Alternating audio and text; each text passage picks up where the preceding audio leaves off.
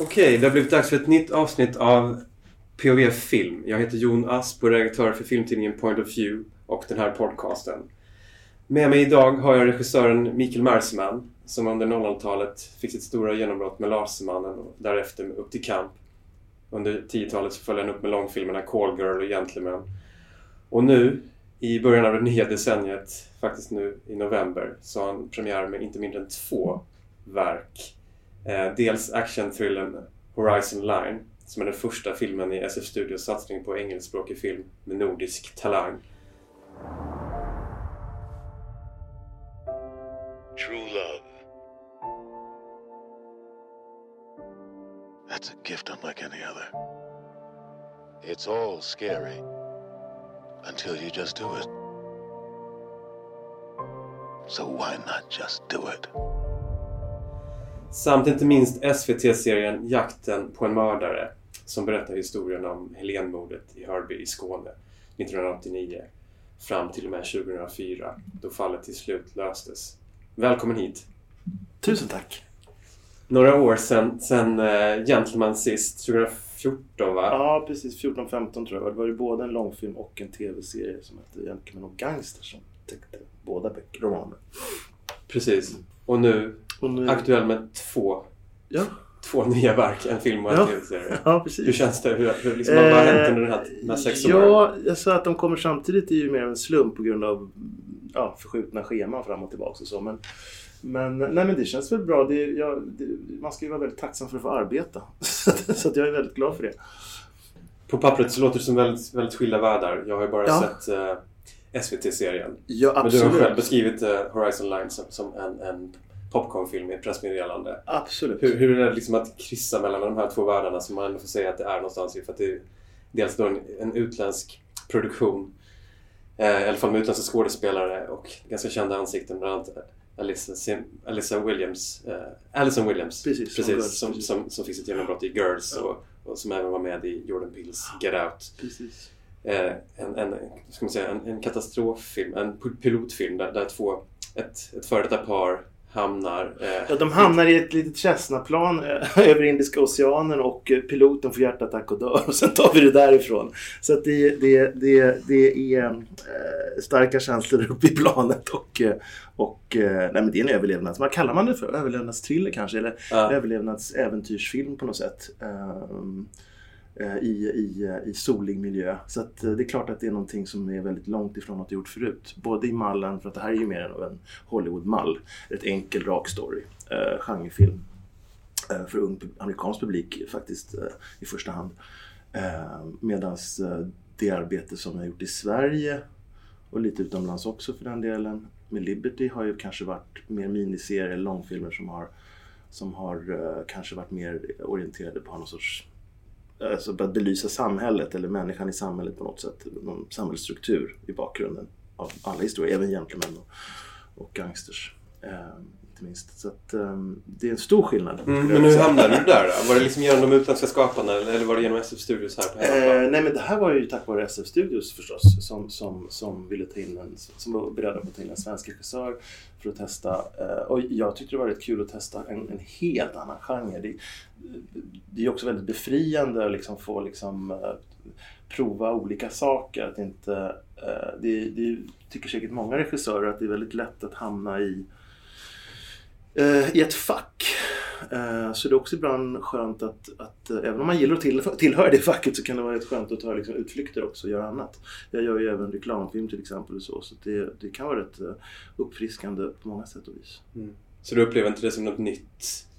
Alltså i metoden att du, att du kastar mellan olika världar? Det är inget problem för dig? Så. Eh, Ett problem, alltså, ja, alltså, det, alltså eh, varje filminspelning eller tv-serieinspelning är ju liksom både så här eh, man, man pendlar mellan så euforism och, och, och, och, självhat. Liksom. Så det är klart att det, det, det, det, den konstnärliga processen är liksom konstant på något sätt. Man vill alltid göra någonting bra. Jag, personligen så älskar jag alla sorts genrer. Jag har liksom ingen...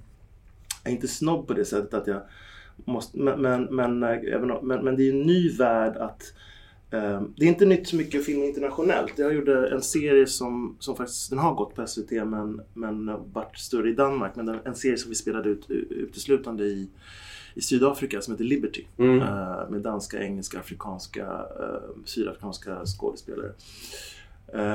Så det var egentligen min första stora där vi spelade in allt utomlands och det var ett stort internationellt team på många sätt, även om det inte var en amerikansk film. Med Horizon Line så är det ju mer av ett amerikanskt koncept. Det är en kortfilm, det är en, inte en kortfilm, det är en, inte en serie utan det är en långfilm. Ehm, eh, Men, och maskineriet ser ju lite annorlunda ut också. eh, När man, när, när, eh, med en sån tekniskt avancerad film. Det, det, det, det, det, kräver ett visst tålamod att arbeta med, med, med den tekniken och den, eh, det är mycket green screen och mycket fusk och mycket som inte är i kameran utan som man ska liksom låtsas finnas där. Så, så. Mycket tekniskt. Mm. Som var nytt för dig då. Som var, eh, kanske inte helt nytt, men på den nivån definitivt eh, en helt annan, eh, en helt annat, ett helt annat arbetssätt. Mm. Ehm, som kan vara väldigt krävande. Ja. Men när du var ung aspirerande filmskapare, Mm. kunde du se det här scenariot framför dig? Att du så här liksom senare i karriären, att du att det är den lättsamma underhållningsfilmen som du gör för film just medan du då gör det mer krävande, det mer tålamodsprövande dramat då för TV. Liksom. Det är en Ja. del av landskaps... Ja. Så som det har förändrats också. Ja, alltså absolut. Alltså, jag kan tycka pendlingen mellan att göra liksom en sorts solig soufflé och- eller ett liksom så här mörk... Solig soufflé. Solig soufflé Mm. eh, ska vara då den här långfilmen och tv-serien som du kommer att nämna snart väl kanske ett mörkbrunt långkokt eller sånt där. Men, men, men, men, men eh, så att, och det är ju väldigt, det kan ju vara väldigt, nej som jag sa, det, det är ju, ehm, man piggnar ju till då. Alltså det är skönt att kunna slänga med. Jag har absolut, eh, eh, om jag fick välja själv så skulle jag ju älska att fortsätta varva ren underhållningsfilm med kanske lite tyngre historier. som, som faktiskt TV lämpar sig väldigt bra för nu i vår moderna tid, inte minst med, med, med många nya internationella serier som kommer som, som vågar gå på djupet och vågar ta andra, kanske vändor än vad man kan göra på långfilmssidan eller vad som tillåts eller vad som efterfrågas om man ska säga så. Mm. Så det är ju så här, man är ofta i händerna av det, liksom. produktion, pengar, eh, intresse. Mm. Ehm, ja, om jag, om jag såg det framför mig från unga år. Ja, men jag har alltid älskat så mycket olika sorts film. Allt från liksom så här italiensk neorealism till liksom Star Wars. Så att jag kan inte riktigt... Um, slapp jag välja skulle jag gärna göra det. men jag är väldigt så här, det, är väl lite vad man går in i och vad man vill. Vad, alltså varje projekt är ju unikt vad, vad det än gör. Är det lättsamt eller är det liksom tungt? Eh, Man måste ju gå in med det med någon sorts passion och eh, sen är det lätt att misslyckas. Eller, men, men man- vill ju hela tiden tro att man ska lyckas. Mm. Ja, det här är ingen konstigheter för dig. För jag menar nu, de senaste åren så är det väldigt populärt med eh, regissörer, inte minst många namnkunniga svenska regissörer som, som går in och gör TV liksom, i olika format. Eh, medan du däremot liksom fick ditt stora genombrott i TV med Lasermannen 2006. Ja. Känns det liksom, och även med, Precis, 2005, 5-6 där 2005. någonstans. Ja. Ja. Det var tidigt där. Mm. och liksom även alltså, miniserieförmatet då. Ja, vi började egentligen med en serie som heter Graven. Det var redan Ja, just det. 2003 tror Ja. jag. Eh, Som var någon skruvad, eh, vad ska man säga, polistriller. Eh, Men som Men den var också väl mottagen. väldigt väl mottagen. Det var väl den första som folk reagerade lite på. Ja. Och det var ju någonting som var då väldigt, väldigt uppskattat för att den var lite mer skruvad. Den var lite mer kanske som vi nu tar för givet med, med serier som som True Detective och sådana saker. Den var lite mer så här weird och skruvad i, i det svenska landskapet med ett poliskollektiv och allting. Mm, jag Eh, Sen minns så har det. det, nu har det blivit där, inget märkvärdigt alls. Men det var väl den första som serien som uppmärksammades riktigt mycket. Uh, innan dess hade jag gjort några korta grejer bara. Men, men ehm, För du är upplärd inom SVT Ja, jag jobbade åtta, nio år som regiassistent och lite med casting, allt möjligt assisterande grejer. Både på SVT men också på långfilm och en del reklamfilm och så. Så jag hade en lång, det var min skola. Jobba med andra regissörer och, producenter och både på serie och långfilmsformat. Och i väldigt skilda genrer. Det var allt från liksom thrillers till eh, såpor till eh, eh, komedier. Det var, det var verkligen allt möjligt. hela. Där jag jobbade som regiassistent. Ehm, och ehm, även regisserade lite lättsammare grejer för TV4 och andra kanaler liksom. eh, under några år innan jag började regissera. Men SVT var väl någon sorts Ja, man kan säga att jag var väldigt mycket för SVT. Det var, det var grundskolan Mm. Och nu är du tillbaka där. Ja, absolut. SVT. Ja, jag har varit Jag där in och ut några gånger. Ja, ja precis. Och då är Jakten på en mördare om, om Helénmordet. eh, Det är ju en sån serie i eh, sex delar, alltså Precis. 45 minuter. Så Precis. nästan fyra och en halv timmar. Eh, premiär 15 november i, i SVT. Och jag tänkte att vi skulle börja med att lyssna på en trailer. Fyra år efter mordet på Helene Nilsson från Hörby finns det fortfarande inte någon misstänkt gärningsman gripen. Däremot ser polisen vissa samband med ett annat skånskt mord. Man arbetar nu efter teorin att det kan röra sig om samma mördare.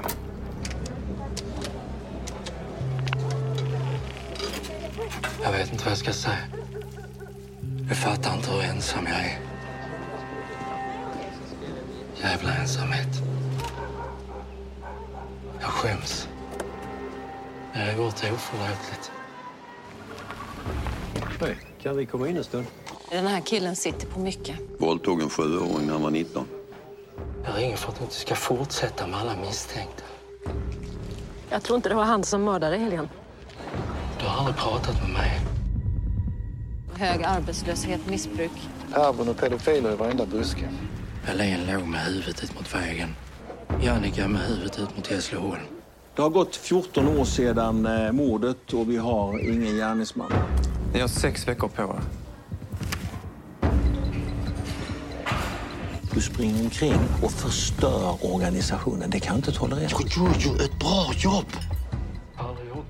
Ja, alltså den här dramaserien Jakten på en mördare då bygger alltså på Tobias Bark, Barkmans reportagebok eh, om en av Sveriges skickligaste mordspanare.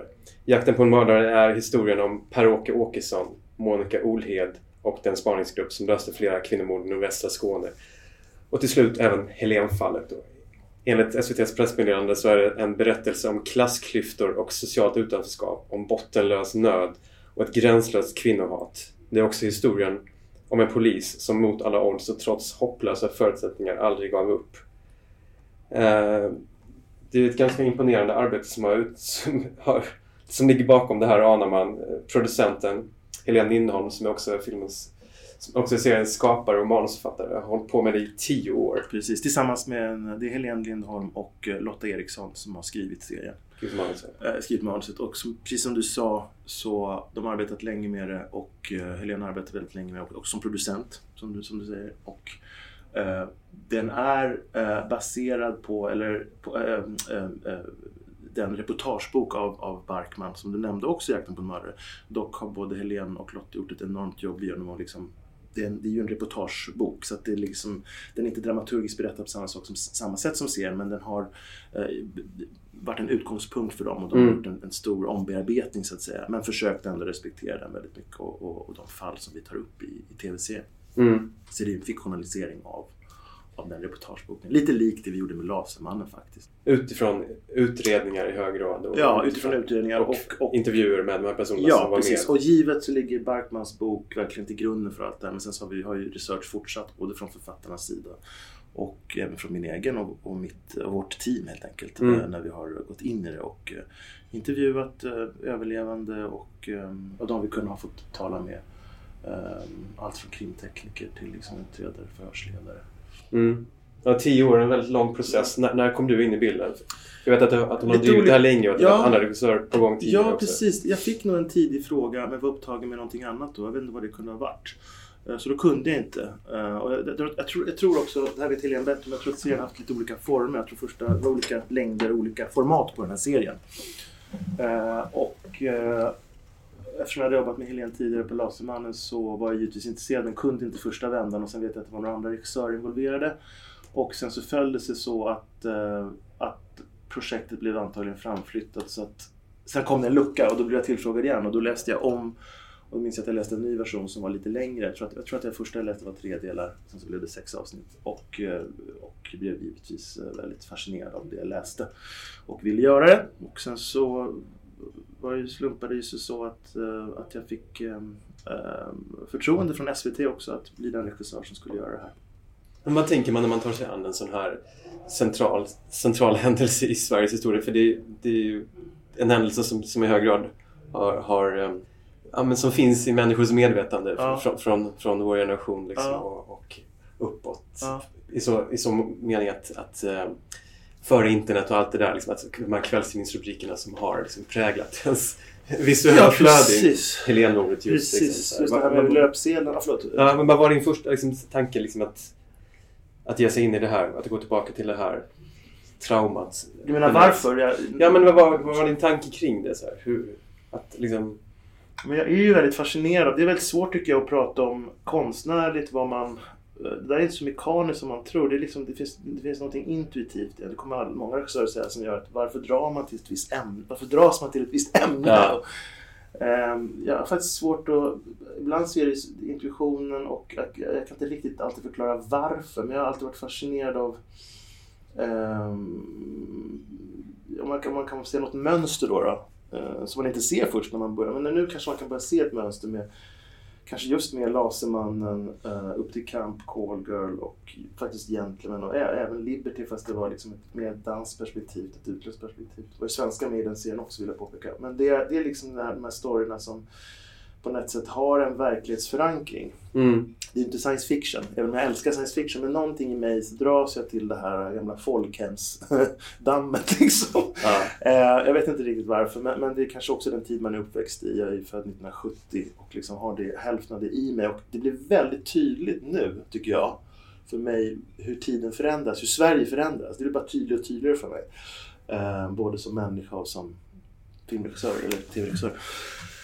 Eh, Så någonting dras, jag, jag dras tillbaka till den tiden också att jag tycker att det är fascinerande att se Sveriges utveckling. Och då menar jag inte att, man, att, att, att det nödvändigtvis är så pass polit, en politisk film på något sätt så, men jag tänker att det alltid är intressant att se eh, de här människorna, de här persongallerierna som man filmar eller storiesarna utspela sig framför en fond som jag, som jag kan relatera till, som jag kan minnas eller eh, har funderat över eller slås av att eh, gud vad tiden har förändrats helt enkelt.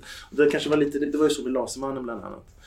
Eh, Det här projektet hade det, eh, epoken som fascinerar mig, eh, ett, ett, ett Sverige under för, förhan, för, förvandling, ett folkhem som har kanske redan börjat förfalla för länge sedan men som ändå i fort- fortsatt förfall då, eller man ska säga. Ehm, en kombination av det och lite nya vågor som kommer över Sverige som The New Public Management som också påverkar det här polis, den här polisgruppen och polisorganisationens arbete väldigt mycket. Eh, men också det som, en detalj som, som också, alltså ett fall som, som, som, som spin, spänner över 15 år och som också löses på grund av absolut väldigt ihärdigt och oförtröttligt arbete från inte bara en Eh, eh, kriminalinspektör utan eh, faktiskt flera som arbetar. Det här är ju historien om en, ett kollektiv som arbetar fram, även om det finns ledande karaktärer. Va? Men det är också en, en, en grej som slog mig i det här som är att det är slumpen som spelar så stor roll för att lösa ett fall. En liten skitgrej som gör att man faktiskt kommer på, eh, kommer fram till att hitta mördaren. Och så var det faktiskt lite när det slog mig på Lasermannen när vi hade en scen till exempel när Lasermannen var oerhört fascinerande och en scen som man inte kunde ha gjort om den inte hade hänt på riktigt. Det var ju den här scenen när, när en fiskare står på Lidingöbron och liksom metar och får upp mordvapnet på kroken. Det är ju så här, det kan man ju inte hitta på. Det är ju bara löjligt. Men just för att det hade hänt så kunde vi göra det och det blir, det blir, det blir något konstigt. Det, det, det är den, jag är fascinerad av att jobba i det där gränslandet mellan också Alltså jag är verkligen ingen reportagefilmare eller dokumentärfilmare, jag gör anspråk på det på något sätt. Men att inspireras av verkligheten och få in det i filmen är någonting som jag gillar. Och, och det här är också det här med, när man säger true crime, det är väl egentligen dokumentär eh, infallsvinkel på, på berättandet. Ja, Eh, nu känner jag att det börjar glida över att man börjar kalla fiktion, som är det jag håller på med, för true crime. Men det är väl någon sorts gränsland mellan dramadokumentär och fiktion. Eh, eller fiktion som ligger väldigt nära, eller vi har försökt lägga oss rätt nära vissa fakta. Sen har vi ju fyllt i, vi har liksom, vissa roller heter det de hette, andra har vi liksom fingerade namn, eh, roller ihopslagna. Det är ju inte så att det här är en dokumentärfilm över vad som hände. Men det, de faktiska händelser och de, fakta vi har om, om, om brotten har vi försökt vara noga med att inte ljuga om. Mm. Du nämnde många intressanta saker här som jag tänker att vi kan återkomma till Mm. Under samtalet. Eh, och Just bara det här med Palmemordet. Jag tänker att eh, personen som spelar som, som spelar eh, polisutredaren här, Anders Bäckman. Han Mm. påminner nästan lite om Hans Holmér Ja. i sin uppsyn så att han skulle vara castad efter det. Okej, när han är egentligen castad efter riktigt Per-Åke Åkesson. Ja. Hans stil. Men, men jag kan Precis. förstå hur man associerar, definitivt. Ja. Men en stor utmaning med, med den här serien, till skillnad från Lasermannen, som, som väldigt nära liksom följer Lasermannen och har möjlighet att göra det, bygger mycket på det där, så är det här en, en, en ehm, ja, men på något sätt en större utmaning eftersom vi inte kan liksom eh, vara med mördaren i så hög grad och inte, inte heller är det. Liksom. Så det finns ju ingen, det finns inget eh, lika givet perspektiv att inta. Liksom. Hur, hur tänkte ni kring det? Absolut, det har du helt rätt i. Det var fascinerande med Lasermannen för att det, det, det var också... Med Lasermannen var det något märkligt som hände, tycker jag. Därför att Eh, vi hade, eller märkligt, det var inte ett dugg märkligt, men den, den egentligen går den emot väldigt många dramaturgiska regler om hur vi förhåller oss till vems historia det är. Eh, det är ju väldigt mycket multiplott. Sen så får man ju känslan av att förstås att det är ju Lasermannen, han, han är ju huvudmisstänkt. Så att det, är, det har den här motorn som bara sätter igång. Så jag förstår vad du menar Jon. Det, eh, man har en sorts självklar motor i det. Att det blir bara fascinerande att följa honom bara man tittar på den här människan som utför de här hemska sakerna. Och helt vanliga saker mitt ibland oss, mitt i Stockholm, eh, mitt på ljusa dagen. Det, det är ju det är någon antitriller på något sätt. Ehm, då jämför jag det lite med liksom fascinationen av att titta på Robert De Niro i Taxi Driver som en karaktär som egentligen är vidrig men som man på något konstigt sätt börjar liksom se och relatera till och liksom fascineras av. Mm. Det är väl ofta så, så de bästa verken Ja, jag tycker det personligen. Men liksom. ofta när man sitter på stora möten så är alltid de här kommer de här frågorna åh, vi måste gilla karaktären. Och på papper blir det väldigt svårt att försöka få mycket, många finansiärer och producenter ibland att förstå att det liksom handlar om andra saker. Som, Mm. så att, än att på papper gilla en karaktär som smeker en katt. Men det är inte bara inför, inför finansiärer utan det läser man även i film och tv-kritiken varje vecka. Liksom, med ett problem med att karaktärerna inte är sympatiska nog etc. Liksom. Så kan det absolut vara. Det smyger liksom. sig in i alla led. Och Jag är lite, jag är lite inte kanske motståndare till det. Jag älskar liksom lättsamma komedier och, och, och romcoms och sånt där också. Men vissa, vissa serier och filmer måste väl få liksom handla om något annat också. Det, var, det tyckte jag var intressant med Lasermannen. Att man sätter ljuset på en till synes osympatisk människa. Men att man också kan fascineras av ett människoöde. Det är väl det som det är att berätta en historia kan jag tycka. Att, eh, som filmare behöver man väl inte alltid berätta en historia om sympatiska människor kanske låter som en kliché förstås, men, men, men det är mycket det man kämpar mot i den här genren. Hur som helst, eh, skillnaden är ju stor, precis som du säger, för i Lasman hade vi det plus, men vi hade faktiskt också ett, ett, eh, poliskollektiv som arbetade och som var en himla massa, som på papper var svårt att se vem som, vem som var vem. Men när man börjar liksom krydda med liksom, ja, skådespelare kommer in och man börjar liksom färgsätta det så blir, så blir det liksom tydligt för, om, man, om man håller tungan rätt i mun med hur det förhåller sig och vad, vad man ska liksom fokusera och titta på. Men i det här fallet som du säger så är det lite annorlunda. Jag vet inte hur mycket jag ska berätta om hur, hur serien utvecklas men det handlar ju i det här Men man fallet tänker här i om... början, förlåt. Ja. Här i början att man... Någonting som är en stor förtjänst liksom, eh, i serien i sig, tänker jag, men också i förhållande till hur film och drama görs i övrigt, är ju när man får dyka in i den här eh, världen liksom, Mm. av väldigt många olika människor Mm. Mm. eh, och väldigt många okända ansikten. Mm. Alltså, Mm. Eh, skådespelare som man inte har sett. Man kanske känner igen en del sedan tidigare men, men de flesta har man aldrig sett förut. Liksom. Och det finns något väldigt eh, befriande i hur hela det här galleriet dukas upp. Liksom. Så det är mycket de här, som åskådare, så mycket det jag vilar i början. Liksom, att jag får vara med om det här och det här och det här, se de här. Snarare än att det är sp- specifika saker som, som, Mm. som tar fäste. Liksom. Och sen så bygger man liksom utifrån det och efterhand så kommer man mer in i historien liksom, och de enskilda Precis. karaktärerna. Precis. Alltså vi försökte verkligen lita på, på det långsamma berättande också. Som jag tycker att, eh, men du sätter fingret på flera saker. Rent praktiskt så ville vi ju ha ett, ett rätt så, eh, eh, vad ska man säga, oexponerat eh, persongalleri. Därför att eh, ehm, för att historien helt enkelt ska stå i första rummet och inte eh, här är, här är väldigt svårt att prata om för jag tycker väldigt mycket fall till fall. Och, men vi gick in i det med att eh, nu, nu jävlar ska vi göra en serie där man inte har några som helst eh, förutfattade meningar om någon. Så vi har försökt liksom och, och, och, och även om det, är, det är inte fråga om att vi bara har amatörer. Vi har väldigt mycket väldigt duktiga skådespelare men kanske inte de skådespelare som har exponerats jättemycket i olika serier. Så vi tänkte så här, vi försöker hitta ett persongalleri som, som är ett blankt papper som tittaren börjar liksom han, helt rent. Jag känner mig redo för Martinsson. Jag tror jag kan knäcka honom. Är det verkligen läge att pröva någon ny nu? Monica är en exceptionellt framgångsrik förhörsledare. kommer bli en tillgång. Hon skapar förtroende. Har fått de grövsta sexualbrottslingar att prata. Låter som helt vanlig förhörsteknik. Verkar ha en metod. Så, vadå? Du har bestämt dig, hon ska förhöra Martinsson? Ja, jag tänkte det. Kopplar du in massa?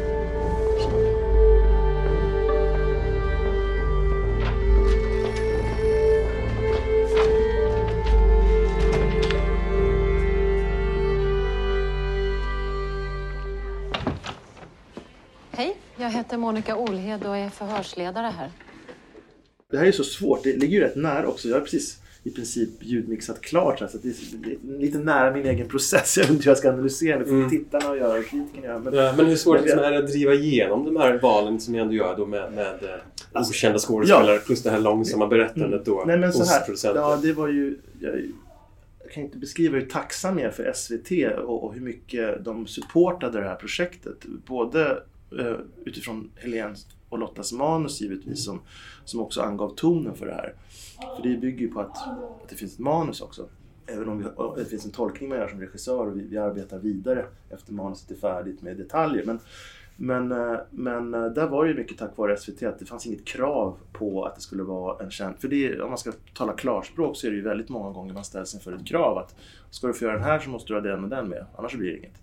Ja. Eh, Så var det inte fallet här. Till, och det tycker jag var, var helt fantastiskt från, starkt från SVT också, att det var så pass... Men det måste vara mycket på, på grund av er, av er gemensamma CV, din och Helens, sen Jo, tidigare. Det måste tror- vara svårt jo, för en, giv- en, nyskapare att Ja, driva ja igenom absolut. det. Så här är det. Jag har ju gjort, även, alltså många av de serier jag gjorde tidigt, kanske inte Graven, där var det mycket eh, Kanske, det skulle vara på ett annat sätt. Men, men, eh, men faktiskt med Lasermannen redan så då var ju David Dencik inte ett känt ansikte alls. Eh, Det var ju hans stora, första stora roll. Och, och även där poliskollektivet, där fanns det ju väldigt kända skådespelare också. Eh, Som Sten Ljunggren bland annat och så. Men det fanns också ett stort galleri som var doldisar, även om de var tunga skådisar. Eh, och så har det ju fortsatt lite grann. Upp till kamp var ju liksom, nu är många av dem jättekända, de som är med där. Men, men då var det inte självklart alls. Då var det ju många nya namn även i en sån typ av serie som man nu kanske tänker att nej, men det var bara kända personer. Mm. Eh, Men men, jag pendlar lite. Men jag har liksom ingen så här dogm det, Utan jag tycker att ibland som egentligen, men där är det ju tvärtom. Där vill man kanske gå lite mer Starcast och Callgirl på ett sätt. Pernilla August gör man en fantastisk roll som ingen skulle kunna göra som hon. Men, eh, men eh, så det finns ingen dogm eller någon sorts... Men det är, lite, det är projekt, från projekt till projekt. Mm. Här passade det och här var det viktigt för oss också att verkligen försöka vill inte liksom ställas inför kritiken att, att det är ett gäng stockholmare som springer ut ur utredarfall i, i, i, Skåne, i Skåne. Utan vi ville att det skulle kännas lokalt och verkligen kämpat för att få fram så mycket bra lokala förmågor som möjligt. Ja, men såklart. Och det är återigen Jeanette Klintberg som har, Ja, precis. som har rollsatt. Ja, ja, hon har gjort ett makalöst jobb. Jag tänker eh, att det måste vara en utmaning ändå liksom, Mm. att, att gå in i det där. För, Ja, trots att du får fria händer att göra det, eller att du får lov att göra det, så är det ju inte enkelt för det. För du ska fortfarande hitta folk som kan stå framför en kamera och vara trovärdiga och, eh, och eh, under ett hård press liksom leverera. eh, Tidspress, leverera repliker och, och känslor och allt, allt vad det är. Så att det är, inte ett, det är inte ett enkelt jobb. Nej. Jag tänker också kring, kring, eh, kring det långsamma berättandet. Eh, nu ska vi inte överdriva hur, hur långsamt det är. Mm. Nej, det tycker jag inte. Jag men det är ändå, det är ändå en... en Hur upplevs det? Du, du har ju sett serien. Du Ja. upplevs det som väldigt långsamt? Jag vet Nej, det gör det inte, jag det gör det inte liksom- alls. Men det, är- det är ändå ett berättande som, som man inte tänker är helt formstöpt liksom, Nej. utifrån vissa kurvor. Nej, precis. Med, med vissa krav på här Precis. ska publiken känna det här och känna det här och känna det här. Och man tänker nästan att det kan vara liksom en trend med att TV faktiskt i högre grad kan avvika från det här linjära berättandet än film. Mm. Vilket också i någon mån, till exempel eh, Peter Grönlund var här och pratade i, i podden här veckan apropå sin nya TV-serie HBO Björnstad som också är en serie som, som på, på flera sätt är mer filmisk liksom, än, än vad man betraktar i vanliga fall som TV-mässig. I att den får ta tid liksom, och att det är mycket men där satte du fingret på något. Det filmiska tycker jag är väldigt intressant att prata om. För att jag har alltid, sen faktiskt Graven, förespråkat det filmiska inom TV-serier. Så för mig har jag har faktiskt inte skilt riktigt på det där. Jag vet att man gärna gör det men rent visuellt och, och, och men nu tror jag att du också menar berättarmässigt till exempel att man inte trycker på de självklara knapparna vid ett visst tillfälle. Och den trenden är ju så otroligt befriande att se. Om man nu gillar och är intresserad på djupet av film och TV och dramatik så kan man ju se i många moderna serier. Som, jag menar, en extrem eh, serie just nu det är ju, eh, vad heter han, Luca de... We are who... Ja, We are-. Ja. Eh, We are who we are. Som Ja. tar sig, alltså enligt mig i alla fall, i mitt tycke, underbara friheter och gör vad fan de vill. Och det kan vara så skönt att det inte ha, ha den där serien som... Alltså, ibland är det väldigt skönt att se en serie man vet precis vad som kan hända. Men ibland är det väldigt skönt att verkligen bli förvånad. Det är sällan man blir det. Men nu tycker jag att det finns en trend av serier som tar sig tid och som kanske inte... eh, A leder inte alltid till B.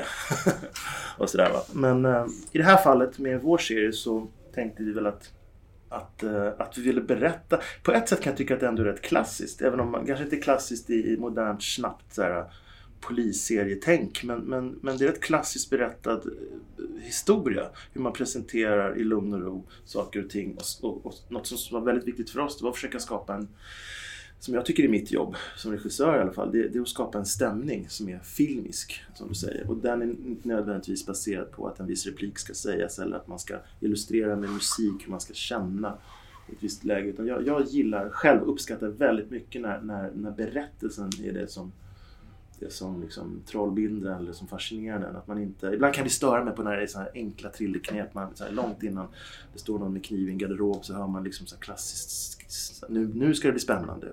Alltså, för mig blir inte det spännande längre. Utan för mig kan till exempel tystnad vara fruktansvärt mycket mer jobbigt än ett score som ska säga bli skiträdd. Mm. Men det är en smaksak. Ja, ja. Och sen så är det också som, som är alltid så svårt att prata om det här konstnärer därför att är det väl gjort så är det ju fantastiskt. Det, liksom, går inte, så det går inte att vara, det går heller inte att vara dogmatiskt i det jag säger. Men just för jakten så hade vi en ingång att det här ska vara jävligt stramt och återhållsamt och, och eh, eh, berättat i ett eh, relativt lugnt tempo. Det är ju ingen actionfilm, det handlar om en lång utredning. Det är också så här att vi, vi ställer stora krav på oss själva och har respekt för historien och för, jag menar offren inte minst och så. Försökte verkligen hålla hålla huvudet kallt där och inte, och inte liksom... Vi kunde inte använda vissa tekniska grepp som man kanske kan göra i en helt ren som en, en, en, en, en, trill eller en mordgåta som är, som är ren fiktion. Det är ju inte den här. Nej. Vi baserar det på, på en sann historia där det finns riktiga människor som har lidit något fruktansvärt av det. Så obeskrivligt. Mm. Och då måste vi ha den respekten för den uh, storyn. Så det, Mm. det, det definierar också våra, våra estetiska val. Liksom. Mm. Ja, vi kan kort bara nämna det också att, att det framförallt kretsar kring ett par, tre utredare som, som, som tvingas liksom ta till metoder som inte alltid är helt eh, enligt föreskrifterna för att kunna driva den här processen vidare. Och i förhållande till det får man också vara med och se deras chefer och eh, inte minst då alla potentiella mördare, liksom, eller potentiella mördare, men snarare människor som, som har visat på avvikande mönster liksom, i de här omgivningarna kring Hörby då. Det är någonting som man verkligen slås av tidigt i den här serien. Shit vad mycket sjuka människor. För det här bygger ju på, på, på verkligheten. Ja, Alltså, det här är ju inte hittepå. Utan, och sen så hoppas jag inte att man tar det som att alla sjuka människor bor i Skåne. Det, här kan- skulle, sätter man, det är som det ska säga. Att sätter du lampan på någonting i vårt land så kan du se att herregud, här händer det grejer. Vi är så självgoda i Sverige. Men jag tror att menar, hade vi gjort det i Stockholm hade det varit lika jävligt här. Och vi har gjort det uppe i Norrland kanske varit lika jävligt där. Nu är det det här fallet vi pratar om. Men det är ju slående. Ja, det är slående där. Man, man tänker att det är liksom en bild av Sverige generellt sett. Som du säger, geografin spelar ingen roll så. Men det är ändå så talande just det här sociala arvet. Liksom. Och Absolut. Någon av utredarna som säger så här, bara, fan pervon och pedofil i varje buske. Liksom. Och det blir Ja. väldigt talande. Liksom, så här. Det får, det, det får ju stå för den, den utredaren. Alltså, får det göra, vi, försöker ju, absolut. Men det här är ändå tidigt som man säger det och det är liksom innan internet, det är innan hela digitaliseringen och sånt där, innan man är medveten om vad, som förekommer. Liksom. Och nu Precis. det har hänt så mycket sedan dess. Så det är så svårt, alltså just de här stämningarna som var då, man tänker liksom, hur är det idag? Mm. Det, det tycker jag blir en Ja. kvalitet Ja. i det här. Jo men det är ju det. Det är det som jag tycker. Det, det är också en... Apropå det här du frågade om tidigare, var, varför man intresserar sig för någonting som redan har hänt eller för Sveriges närhistoria eller vad man ska säga. Det är ju otroligt intressant, det jag var inne på, att se sin nutid genom de här glasögonen. Men jakten utspelar sig också, eh, jakten utspelar sig väldigt mycket eh, eh på, på en plats där liksom, eh, de har haft sin glanstid. Eh, men, men eh, många människor lämnas också i, i, i väldigt isolerade. Eh, eh Det, det, det, det är bruk som läggs ner, det är liksom eh, småorter som avfolkas. Eh, Så, så, så, så jakten på en mördare handlar ju väldigt mycket om de här ensamma männen också och vad det kan driva dem till. Det är ingen ursäkt. Vi försöker verkligen inte psykologisera så mycket. Nej, men det är ändå tre decennier sedan. Det Det har inte blivit tre- bättre sedan dess. Det har Nej, inte avfolkats och då- mindre ja. sedan dess. Så därför undrar man vad händer där idag? Liksom, Ja, precis. Och det, det är ju väldigt obehagligt att höra om historier som är lite för lika de man har precis liksom gestaltat i en film som utspelar sig sent 80-tal och 90-tal. När vi nu liksom står inför liksom och hör på nyheterna eh, om, om, om fall som är snarlika och dessutom i samma områden. det är klart att det, det, det är märkligt. Ja. Eh, eh, vad hade kunnat blivit... Alltså, jag tror människan finner alltid vägar att dölja. Alltså, det är klart att... att, att jag- vet inte vad man ska dra för slutsatser. Nej, nej. Det vet inte jag. Men... ehm, Det finns en väldigt en fin scen i tredje eller fjärde avsnittet eh, där eh, kriminalinspektören Monica Olhed, Mm. alltså, som spelas väldigt imponerande av Lotten Ros som Mm. man har sett Ja. någon gång kanske. Ja. Men, men som ändå är ett nytt ansikte tänker jag för de flesta. Väldigt, väldigt imponerande. Och som också är drivande i hela den processen då. Där hon säger liksom, ja, vi, kan, vi, kan, vi kan lyssna på, på, eh, på klippet därifrån.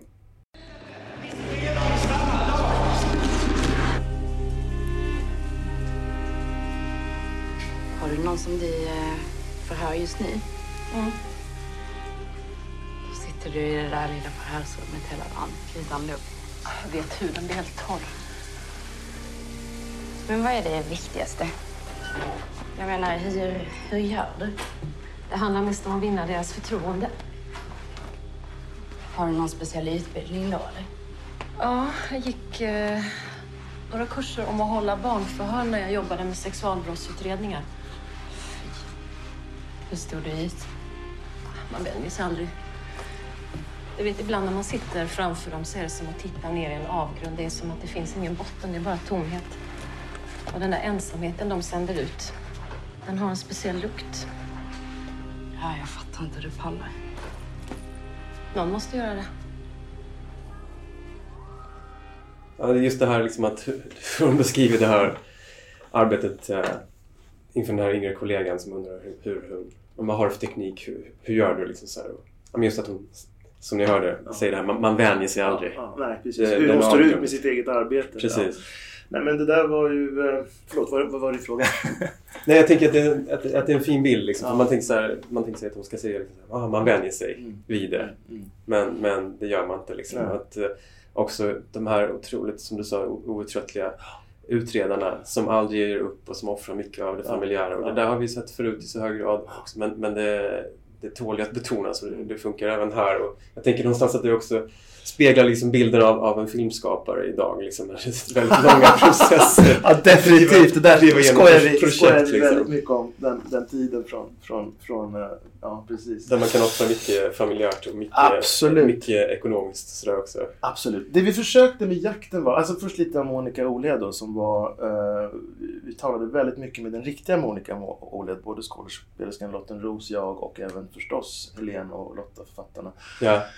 Och eh, engagerade henne faktiskt under, även under manusarbete och, och, och eh, jag frågade henne väldigt mycket om hennes förhörsteknik och hennes känslor och hur hon kunde stänga. Hon berättade, alltså många av replikerna är ju tagna, alltså förhören i den här filmen är ju inte påhittade. De är alla, vi kan- vi kanske kommer till dem också, förhören eh, som jag tycker är rätt unika i serien och vågade. Eh, de, de är utifrån eh, riktiga förhör.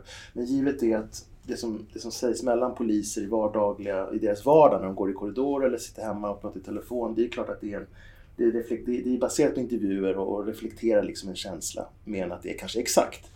Med det sagt så berättar hon väldigt mycket om hur hon, hade, hur hon kände inför det här och eh, för oss var det viktigt att, att um, de är ju hjältar de här människorna men, men vi, vi försökte, de är, det, är också, det är så himla kul när det är baserat på riktiga människor för att de är de är aldrig kliché liksom på något sätt. Det är inte så att de går hem och lyssnar på så klassisk musik och dricker whisky och mår dåligt. Utan liksom hon, hon kunde också, Monica berättade att och flera av dricker bara whisky vid ett enda tillfälle. Ja, jag vet. Jag ska inte ha ja, nej, det ska vi inte göra. Men det, det är en liten flört.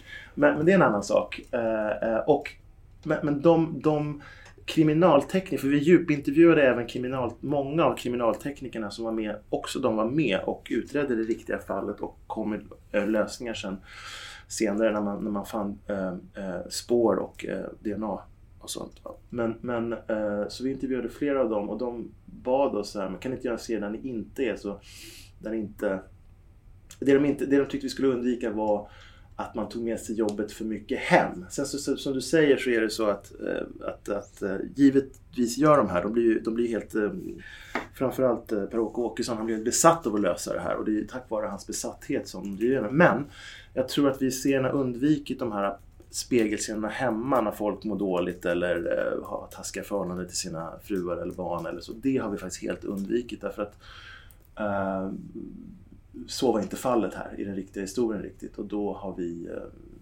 det har vi försökt navigera bort från eller inte belysa på det sättet. För att? Men därför att vi ville att, att arbetet skulle stå i centrum och inte det privata. Eh, problematiken hemma hos dem är liksom, kan ju inte mäta sig mot hur en människa som förlorat ett barn eller en Nej, närstående såklart, är. Och därför... En av få, få gånger som ni gör ett undantag det är när, när um, Beckmans uh, kriminal, utredare kommer hem och man hör hans förmodade, förmodade fru liksom, och, eh, som är utanför bild. Liksom. Jag, jag ser på Sopranos. Ja, precis. Så, så vet man ungefär var man befinner sig som markör. Liksom. Det behövs så lite. Men, men det är ovanligt bjussigt liksom, ja. för att vara den här serien. Ja. I övrigt har ni försökt liksom, Precis, det är väldigt inte ha stramt. den där. Det är väldigt stramt. Och har, så så det, det, är klart att det är ett medvetet val från författarna också förstås. Och eh, för att hålla fokus på ett ställe givet vore vor att man skulle kunna göra som en helt annan sak. Som är, det finns ju fantastiska sådana. Jag tänker på en fransk film som... Har du sett den här franska filmen Polis? Ja, Manguens. Magisk. Där Mm. man verkligen går in i deras äh, privata äh, grubblerier. Äh, men det är gjort på ett annat sorts Mm. väldigt värdigt sätt. Det är hela Och- och- poängen och- med filmen. Det är hela poängen med filmen. jobbet Precis, hem precis. och vi vill, exakt. Och här vill vi inte liksom blanda ut de korten riktigt. Men med Monica Oled också så berättade ju väldigt mycket om, om sina förhör och hur hon blev påverkad av de här förhören. Och hon sa att det enda sättet för henne liksom kunna or orka arbeta vidare och så, det var just att inte ta med sig jobbet hem utan verkligen försöka liksom lägga det i en låda och sen så hemma i någonting annat. Sen så jobbade de ju oerhört mycket och det tog väldigt, väldigt krävande av tid men det var hennes sätt tror jag. Hon, det var intressant att se henne, att hon hade den coolheten på sätt, den kylan på något sätt. Att, att, att, kunna, kunna sitta med de här förövarna i de här långa förhören. Eh, Oändliga ibland och ibland ledde de till någonting, ibland så ledde de inte till någonting. Ehm, Hon fick ju egentligen inget direkt erkännande Nej. heller. Det, väl lite, det var ju- lite dubbelt det där Ja, i filmen. För hon har lite erkännande i så mån att hon får leda förhör, förhören med sin teknik då, som i hög grad går ut på att bygga förtroende med den man förhör. Och det köper ju folk ganska fort efterhand. Liksom. Samtidigt som hon inte är helt betrodd i, i eh, vad hon tror om Nej. diverse fall. Eh, och jag antar att det finns en trohet till historien även i det. Mm. Men det är lite dubbelt det där. Liksom. Mm, För Hon har precis. till viss del en självklar status men ändå har hon inte det helt Nej, ändå. precis. precis. Stämmer verkligen. Ja. De vart ju väldigt, ja, men det är med i serien också att de ju internt kritiserade både Per-Åke Åkesson och Monica Olhed och, och några av de andra utredarna eh, för sina arbetsmetoder liksom.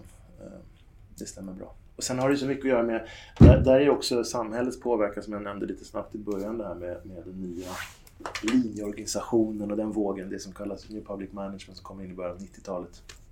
Där liksom mycket energi ska läggas på att redovisa eh, sin kompetens liksom när offentliga eh, eh, verksamheter eh, eh, ska bedrivas mer som privata företag. Vi, Mm. det, det är det som är så, så mycket av deras tid Ja. liksom att, att bocka av arbetstimmar istället för att försöka faktiskt hitta en... Alltså det, det är en liten, kanske en kritik av det också, den tiden. Där Jag tycker att det framgår ganska tydligt som ett av de, en av de centrala Tema. aspekterna eller undertexterna i, i, i den serien. Just det här hur, som vi sa tidigare, hur många ensamma och utsatta och till viss del liksom sjuka människor det finns där ute. Mm. Men också då i förhållande till hur mycket tid myndigheter lägger liksom på, på, på olika värdeord. Mm. Att liksom hantera sin egen verksamhet. Att det blir en, en, en Effektivitetskraven Ja, och redovisningen av och dem. hur effektivt Ja. är det där egentligen. Så. Precis. Eh, och det är också det i hög grad som, som utredarna brottas med då, och där de tvingas ta till liksom, eh, där de tvingas gå runt vissa, vissa nyckelpersoner för att driva utredningen vidare. Liksom. Men också i hög grad som du nämnde tidigare hur mycket det är slumpen som styr det här. Eh, jag tror att det är en Och jag vill ju inte släppa den grejen här. Nej. Det kanske är en spoiler, eller kommer att sändas senare så kan vi berätta om den. Annars så, jag vet inte. Du kan berätta det. Ja. Nej men alltså det, det, det, det är en stor del av, av, av det, var som en, det var en liknelse med Lasermannen jag hade där när man finner ett mordvapen på ett sätt som är helt otroligt. Så eh, kan jag säga så här mycket att ett tips kommer in många, många år efter, efter en tung utredning och kostsam utredning som mer eller mindre är nedlagd. Så på en, av en ren slump så träffar en av utredarna, Monica Olhed, eh, en kvinna på en, på en fest eh, runt jultid och får ett tips som hon känner på sig kan vara någonting. Mm. Eh, och det är rent slumpmässigt. Ja, ett tips som hon har, Ett- som hon har, har, gett tidigare ett, till ett tidigare tips hon som, har försvunnit, för. nej, som har försvunnit i den här stora orga- polisorganisationen. Det här är ju ett fall som var, alltså det är så när man, vi pratar ju väldigt mycket om regioner och polis, alltså uppdelning av, av, olika distrikt och sådär i den här serien. Och det ska vi komma ihåg att det är inte helt enkelt. Just, just serien startar innan den stora digitaliseringen. dig- dig- Digitaliseringen, det är 1989, mycket är fortfarande väldigt analogt. Eh, Det finns gränser mellan de här olika distrikten. Det är inte alltid att informationen flyter helt eh, lätt däremellan. Så att information går förlorad. Och, och, och liksom i Lasermannen där till exempel en perm hamnade på ett, på ett skåp och glömdes bort i några månader med, Ja. otroligt viktig information men sen så upphittades igen. Så händer sådana här saker? Och, och information försvinner. Vittnesmål tas inte på allvar eller bara försvinner i en stor organisation. Så det finns ju med sådana det finns med sådana typer av scener i, Mm. i jakten också. Mm. Ja, det är någon slags nyckelreplik där Mm. också som en av utredarna Mm. säger så här, blod i huset räckte inte. DNA-spår i flickan Nej. räckte Nej. inte. Men att sket ett litet simkort i Ja, flickan, Precis, och det är ju nästa liksom också eh, slumpartade grej som, som eh, Ja, men det är så här, när man läser de här riktiga det- är de här små sakerna. De är ju rätt så här, ska jag säga, osexiga i liksom thriller. Det är ju inte så att det är eh, filmiska, eh, häftiga biljakter på en mördare eller så, utan det här är ju verkligen så här segt jävla arbete med husrannsakan och intervjuer och förhör och ja, väldigt, väldigt mycket pappersarbete. Men just det du Mm. nämnde med simkortet, det var ju så att det simkortet som de fann hade ju missats igen i husrannsakan. Så det var ju tur att de gick tillbaks ut. Så det är också återigen den här slumpen liksom hela tiden. Mm. Det är också intressant, eh, för man kan ju tycka liksom att vissa av de här, eh, eller så är det ju, de här, vissa, vissa av de här cheferna då som, som inte riktigt eh, hanterar saker som de borde och, och även liksom blundar för vissa uppenbara saker, i alla fall så som det utmålas i serien. Att de till viss del faktiskt hängs ut kan man ju säga. Eh, och att det snarare är de här hjältemodiga poliserna. Nu ska man kanske beskriva som, som hjältar, för de beskrivs inte som hjältar riktigt. Men det är ändå deras Ja. idoghet och deras förmåga att gå utanför ramarna att, som faktiskt löser mordet till Mm. slut. Liksom. Och någonstans så blir det också så här de tummar ju lite på det kollektiva. De tummar ju lite på att eh, liksom leva efter de nya policyerna som, som New Public Management innebär. Liksom, att fylla i de här undersökningarna och de här medarbetarenkäterna. Eh, så någonstans är det liksom ändå individens kraft Ja. i det här kollektiva. Ja, som, som, en, som ändå löser mordet. Liksom, Ja. så här, att Ja, men vi individen är ju människor. Vi är Ja. ju männi- alltså det är ju det med slumpen och människan. Och, eh, ja, men det, visst är det så, absolut. Jag har inte tänkt på det riktigt så djupt men givet är att deras handlingskraft och för, för att de är de de är Eh, så löser sig fallet. Det gör det inte mekaniskt med hjälp hur mycket digital hjälp du än har eller hur många blanketter du än fyller i så är det att de här människorna. Absolut. Finns det, finns det liksom någon, någon, någon äh, ångest i att, att ta sig an ett sånt här äh, liksom, äh, traumatiskt fall för, för ett helt land? Jag menar, idag är trenden i hög grad liksom att man tar äh, brott närmare i tiden och Mm. gör dramatisering av det inom true crime det, här, det här är ju ändå liksom tre, fyra, tre decennier sedan det hände. Så Ja. ni, ni har ju ett visst svängrum där. Ja, men men, men tänker du, tänk, hur tänker man kring det? Att man, för ni kommer ju färga, liksom, man, man, människor har ju människor har ju sådana minnen men människor har också glömt. Liksom. Mm. Och det som, den dramatisering som ni gör nu kommer ju påverka människors bild av det här. Man tänker väldigt mycket på det. Det är, det är väldigt dubbelt. eh, Och och det är det jag försökte säga tidigare, att vi, vi har försökt liksom göra det Um, vår filmiska fascination har vi försökt liksom tygla lite i, i, vårt estetiska ut, våra estetiska uttryck. Um, för att inte, helt enkelt för att vi inte ska bli spekulativa. Så har vi försökt hålla en stramhet och en sorts värdighet i hur vi berättar den här historien för offrens skull. För överlevarnas skull. Även för utredarnas skull. Och då, Uh, jag vet inte riktigt vad jag ska säga om det här med, ja teoretiskt sett så, det, det är som den här serien som går nu, eh, den danska serien. Om Kim Wall. Ja. Eh, som heter... Eh, jag vet Inte vad den jag namnen. Jag har inte sett den. Det är väldigt nära i tiden. Eh, Ja, den är väldigt nära i tiden. Men också gjort på ett extremt stramt sätt och jag förstår varför man har gjort de valen man har gjort. Det ser man inte ens för ögonen överhuvudtaget. Utan det handlar väldigt mycket också om polisens arbete så. Det kanske är en trend, jag vet inte. Eh, men, eh, men man måste hela tiden... Eh, vi pratade väldigt mycket om att, att, att försöka liksom göra en, en tv-serie som inte var spekulativ, som kanske ställer mer frågor och belyser vissa problem. Också bortom själva mordfallen. Det vill säga berätta lite mer, lite berätta om, lite om Sverige också, om vårt samhälle vi, ja, för min del var det också personligen att jag absolut inte hade tackat ja till Sara-serien.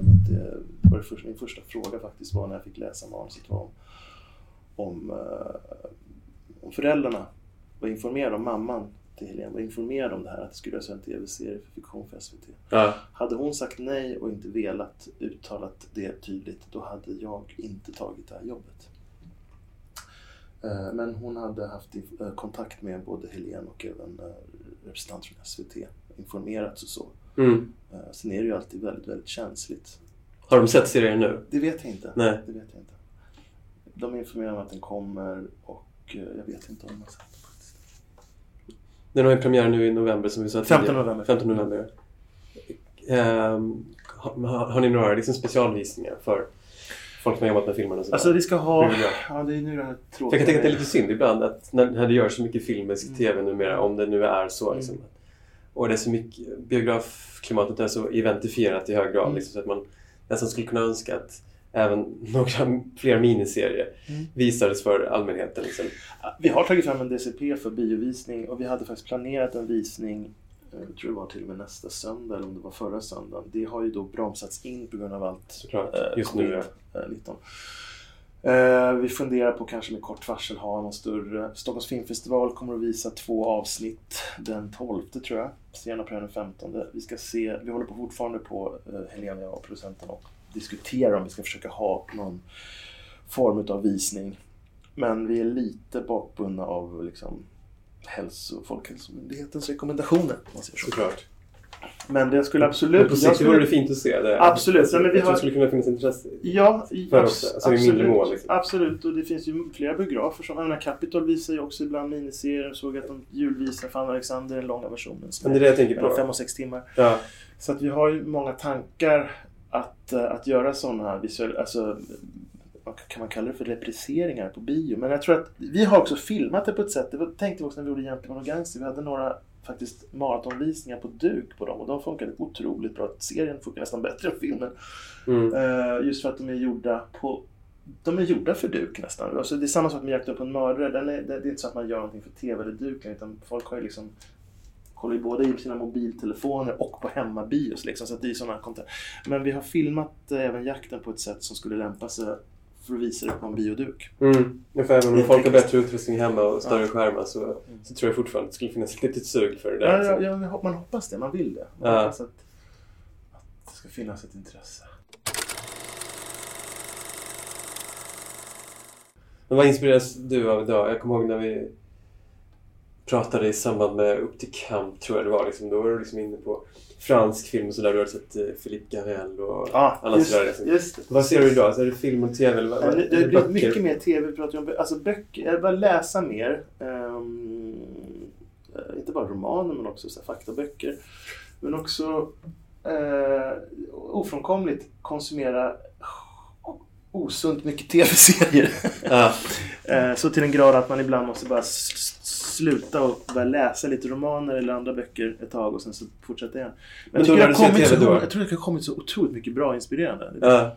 Och hur, alltså, skiljer du på tittande och tittande då? Alltså, alltså just vad gäller tv-serier då, är det saker som ah, det här vill jag ta med mig och, eh, så medvetet eller bara liksom pleasure? Nej, det är verkligen... Jag försöker, alltså, tyvärr är det så lite pleasure. Jag kom på mig själv att åh, jag fick återupptäcka... Du är arbetsskadad? Ja, men lite så. I somras hade jag för en gångs skull rätt mycket, hade några veckors semester och kunde vara lite en hel del själv. Då återupptäckte jag Seinfeld som jag liksom bara var för pleasure. Det var liksom ingen inspiration för någonting förutom att jag skulle garva åt det.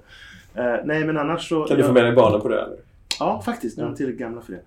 Absolut. Eh, Men, men, eh, men vi tittar, jag tittar och hemma tittar vi mycket. Vi är arbetsskadade, det är inget snack om den saken. Men sen jag är så förtjust i, i- i film och tv-mediet så att jag, jag äh, ser väldigt mycket. Jag älskar också gå på, jag vill bara understryka att jag älskar att gå på bio. Jag försöker gå liksom en gång i veckan på bio också faktiskt. För att det är liksom någonting som går förlorat tycker jag i hemmiljö. Det kan jag villigt erkänna. Äh, även så med serier. Jag minns till exempel Apropå Stockholms filmfestival för många år sedan när den började. Då hade de faktiskt en satsning. Jag tror det var Tribeca som var De Niros bolag då som visade någon miniserie på duk. Liksom. Ja. Då kändes det så här att det var gjort för tv, fyrkantiga format. Så, men nu, serierna som kommer nu, det är flera av min, framförallt de här kortare serierna. Till exempel den här fantastiska serien tycker jag.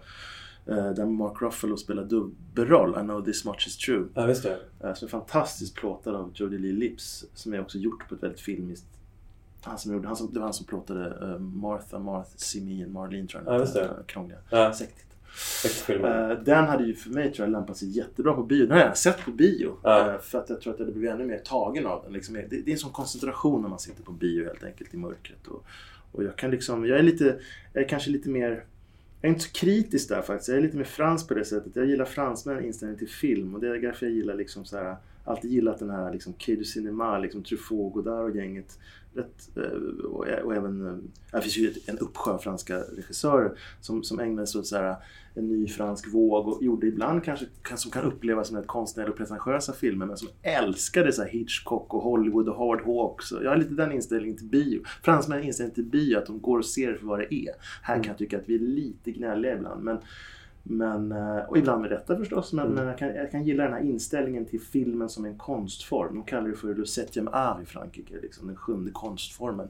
I Sverige tycker jag att man ofta glömmer att prata om liksom både, alltså på båda sidor, både vi som gör filmen och de som eh, konsumerar filmen och kanske till och med kritiker ibland. Ibland tycker jag att det är lite så här, fan saknar lite diskussionen om film och liksom bilden och fotot och liksom hela den här vad det gör, helheten. Det är klart att man kan att man pratar om att oh, det där var snyggt eller det där var si och så. Men just den här upplevelsen av någonting som du nämnde tidigare i samtalet, filmiskt, vad är det? Jag tror att eh, ni pratade om det i en tidigare podd också, Sofia. De pratar om eh, vad som som jobbade för Franska Filminstitutet, va? eller hur? Precis, som läser manus och sitter i kommenterar. Ja, och att, och, att, och att de kommenterar på manusplan redan så här, det filmiska. Vad är det filmiska? Jag tror jag Mm. aldrig har fått den frågan. Ilja, film- Någonstans. eller hur? jag Finns det någon- finns det film. någon I film Sverige. där? Finns det någon film här? What's the Nej. fucking movie? Ja. Och vad är storyn? Alltså det är någonting som jag tycker att vi borde fundera lite mer på här. Och, och uttrycket liksom. Ehm, jag säger inte att det inte finns, men, men, men det slående hur pass mycket folk är fokuserade på det skrivna ordet här när man kommer med projekt och inte kan se lagren som läggs på Mm. i, i form utav... eh, nu, nu försöker inte jag säga att manus inte är viktigt utan det är, det är det viktigaste grunden som finns. Men man måste också se film, vad som, vad som händer sen. Och vad som kan hända sen. Det kan ju gå åt massa olika håll. Mm. Men hur mycket skiljer Du har ju verkligen gjort båda delarna liksom. Och du har liksom också gjort det parallellt med Gentlemen så gjorde du bara Ja, just det. en ganska lång film. Just det. Men ändå en lång film och Ja. en, en, en längre Just serie. Finns det liksom inte en risk liksom, alltså hur, hur, hur skiljer du, eller är det här filmiska samma sak för det är bara att det är olika tidsformat? Nej, jag tror att det är... Ja, jag tror faktiskt att... Här, Finns det inte en risk liksom att, man, att man går vilse i det också? Som Jo, är absolut, absolut. Det tror jag absolut man kan göra. Eh, nu tänker jag mer på bildens uttryck och på Ja, kanske, förstår. kanske... eh, Det här är ju väldigt svårt att prata om, för vad är kvalitet? det är väldigt privat. vad Som man de gör gillar. även i serien Jakten på en Ja, mördare. exakt. Så att det har ju många sådana lite roliga, lite Ja. roliga eh, paralleller till ens egen bransch. Men, men, men Eh, Så vem ska bedöma det och givetvis är det så otroligt personligt men, men, men Ehm, men jag pratar ändå om någonting som, eh, som ska både ska kunna vara förföriskt för öga och för sinnen. Och, eh, story är en sak men bildberättande och gestaltning är också extremt viktig. Eh, nu pratar jag om processen, inte slutresultatet. är ett slutresultat som man, som man ser och som man liksom reagerar emot emotionellt. Det ska ju funka annars. Det kan vara bra eller dåligt också. Väldigt privat vad man tycker. Smaksak. Men, eh, men det finns ju också väldigt mycket tv-klichéer med liksom eh, bedövande tråkig dialog som inte behövs och sånt som vi försöker liksom jobba bort. Eller som jag, som jag börjar bli mer och mer um, kryper lite inom mig liksom, när jag läser det på papper, redan på papper och tänker att det här måste vi kunna tvinga oss till att lösa på ett mer filmiskt sätt. Mm. Eh, utan att det behöver nödvändigtvis bli liksom talad radioteater. Så Mm. kan man väl säga. Det tycker jag är lite, jag tycker många svenska serier lider lite av det. Mm. Men finns det någon, någonting i landskapet, någonting i strukturerna som, som, som, som borde förändras liksom, för att man skulle kunna underlätta det här filmiska? Är det någonting vi gör fel? Liksom? Åh gud vad svår fråga. Jag sitter ju inte på de positionerna. samtalet som du saknar, Ja, liksom, samtalet kring det. Det var väl allt från liksom, alltså, samtalen kring vad, vad, vad, vad, ska det bli för slutprodukt. Jag tycker det börjar komma ändå en del. Jag, menar, jag måste säga att när vi gjorde Jakten på en mördare var det väldigt intressant. Vi fick komma till SVT och tala med, med beställarna där om, om, om manus och om, om vision och, och man började intressera sig liksom på, också för det visuella. Vilka ska vi jobba med? Det var väldigt spännande. Eh, och det kommer ju, kom ju mycket ur sådana samtal menar jag. Och jag tror att det är också det som, som gjorde att serien blev som den blev. Inte bara för att vi gjorde en sak, utan det var också SVT som ville någonting. Och vi, vi var liksom på samma... Vi hade samma fokus, eh, samma slutmål. Eh, jag tycker det är väldigt svårt att prata om, ja vad är det? Är det konsulenter? Är det, liksom, är det systemet? Är det SFI? Eller, så hur, hur det ser ut? Det där tycker jag är knepigt att prata om. Jag är inte på insidan. Och liksom, det är lätt att demonisera när man inte får, när man inte får igenom någon manus. Så här, Fan, de fattar ingenting. Och så här, är det bra eller är det dåligt? Är det de eller jag? Eller, jag vet inte. Vem, vem, vem är experten? Det Nej. vet inte jag. Nej, men det som du refererade till tidigare, Mm. Sofia Norlin, Mm. när hon sitter på Fran- Franska Filminstitutet liksom, i Mm. kommittéer med sju, åtta personer som har läst. Nej, men det är också intressant. Frankrike är ju ett, ett land som är extremt filmintresserat. Eh, och, och verkligen duktiga på att verbalisera tror jag också vissa visioner. Ja, Även om de också gör Precis, men det kanske skulle finnas anledning att inspireras även av deras beslutsprocesser i det. Eh, Eftersom det ändå, ja. eftersom det ändå har ett filmiskt samtal Absolut. så pass tidigt liksom, i det där. Absolut. Ilja du Cinema de Don. Ja. Finns det någon film? Exakt, Det exakt. Jag tyckte det var väldigt kul när hon pratade om det. Ja. Men, men nu har du liksom premiär med två Mm. saker inom en vecka. Liksom så, här, så jag antar att du redan håller på, förutom att du gör en del press, utveckla någonting nytt. Ja, jo. Kan du säga någonting om det? Ja, det är flera spår. Det är, jag har i många år hållit på med en, eh, en roman som jag blev väldigt fascinerad av som heter Stallo. Som är någon sorts övernaturlig historia som vi försöker föra över till, till eh, Stefan Spjut. Stefan Spjuts roman Stallo. Um, som är Troll. Tegelsten. Ja, precis. Som riktiga trollen. ja, precis. Och som, men som innehåller så pass mycket intressanta teman tycker jag, för mig. Så eh, just nu så arbetar två manusförfattare, eh, en producent och jag med att försöka utveckla det som en miniserie. Okej. Ehm, det är det jag kan berätta om nu. Och sen så har jag lite andra eh, långfilmsprojekt som, som ligger i sin linda. Som jag håller på med också på manusstadiet. Som jag skriver ett projekt med ehm, som ligger på Garagefilm med Mimmi Spång bland annat. Som är under utveckling. Så vi får se vad det, om, det leder, om det leder till någonting. Eller. Mm. Eh, det är lite svårt att säga om framtiden. Mm. Så du, det, du gör inga specifika val huruvida det blir långfilm eller tv-serie utan det, det Alltså, blir intressanta projekt. I det här fallet så hade det varit underbart att göra en långfilm. Eh, just för liksom det här med växelbruk. Alltså, jag, precis kom, jag kom precis ur en, en tv-serie, Jakten, som tog väldigt mycket energi på ett sätt. Och då vore det revitaliserande att liksom kanske göra ett lite kortare format. Eh, jag är rätt van dock med att göra eh, eh serier och långa serier som också poängtera långa serier som ensam regissör. Det vill säga att man inte bara är en stafett utan man har ansvar för hela. Graven var åtta timmar, eh, Upp till kamp var sex timmar, Gentlemen var sex typ timmar. Eller eh, sex och en halv eller sånt där. Fyra och fyra och en halv eh, och det här är fyra och en halv. Så att jag, jag har liksom, det har jag liksom i mitt system på något sätt. Så för mig skulle det vara väldigt lustfyllt att backa Mm. och göra Mm. eh, ett kortare format. Eh, inte för att det är lättare på något sätt men, men det, vore, det, vore, det vore kul och, och det är också svårt på många sätt. I tv-serier har du ju tid att utveckla linjer och sjunka ner i historien på ett annat sätt och liksom ha, ha längre bågar. I film måste du vara mycket mer specifik och liksom koka ner det till ja, någonstans under två timmar eller två och en halv max. Då. Ja. Men så trots att liksom TV haft en renässans under Mm. lång tid liksom, och biofilmen långfilmen har det ganska tufft, liksom, inte Mm. minst nu under corona. Så, Mm. Extremt så, så, så tror du liksom ändå att... att eh, Ja, men jag vill hoppas. Jag vill verkligen hoppas. Det är klart att det, för det enda man hör nu det är så, Åh, det är så omöjligt att göra långfilm. Det är så omöjligt. Jag tycker bara vi måste, ha, vi måste få drömma lite också. Jag, jag, har liksom, jag är liksom uppfödd med film och jag älskar film. Så att jag tycker det formatet, det vore ju så katastrofalt om det försvann. Så därför måste jag försöka i alla fall tro på att det ska finnas en framtid för film och biofilm i biomörkret på storduk. Ehm, Men eh, som sagt jag växlar gärna och eh, jag tycker det jag tycker det är jävla ynnest att få göra liksom både, både och sådär om det, om det går. Eh, just nu längtar jag efter långfilmer men samtidigt så som jag sa med den här romanen till exempel där, där har vi ju redan bara tickat igång på att ah, miniserie, vad härligt, då kan vi liksom göra det här. så det, det är dubbelt det där. Ja.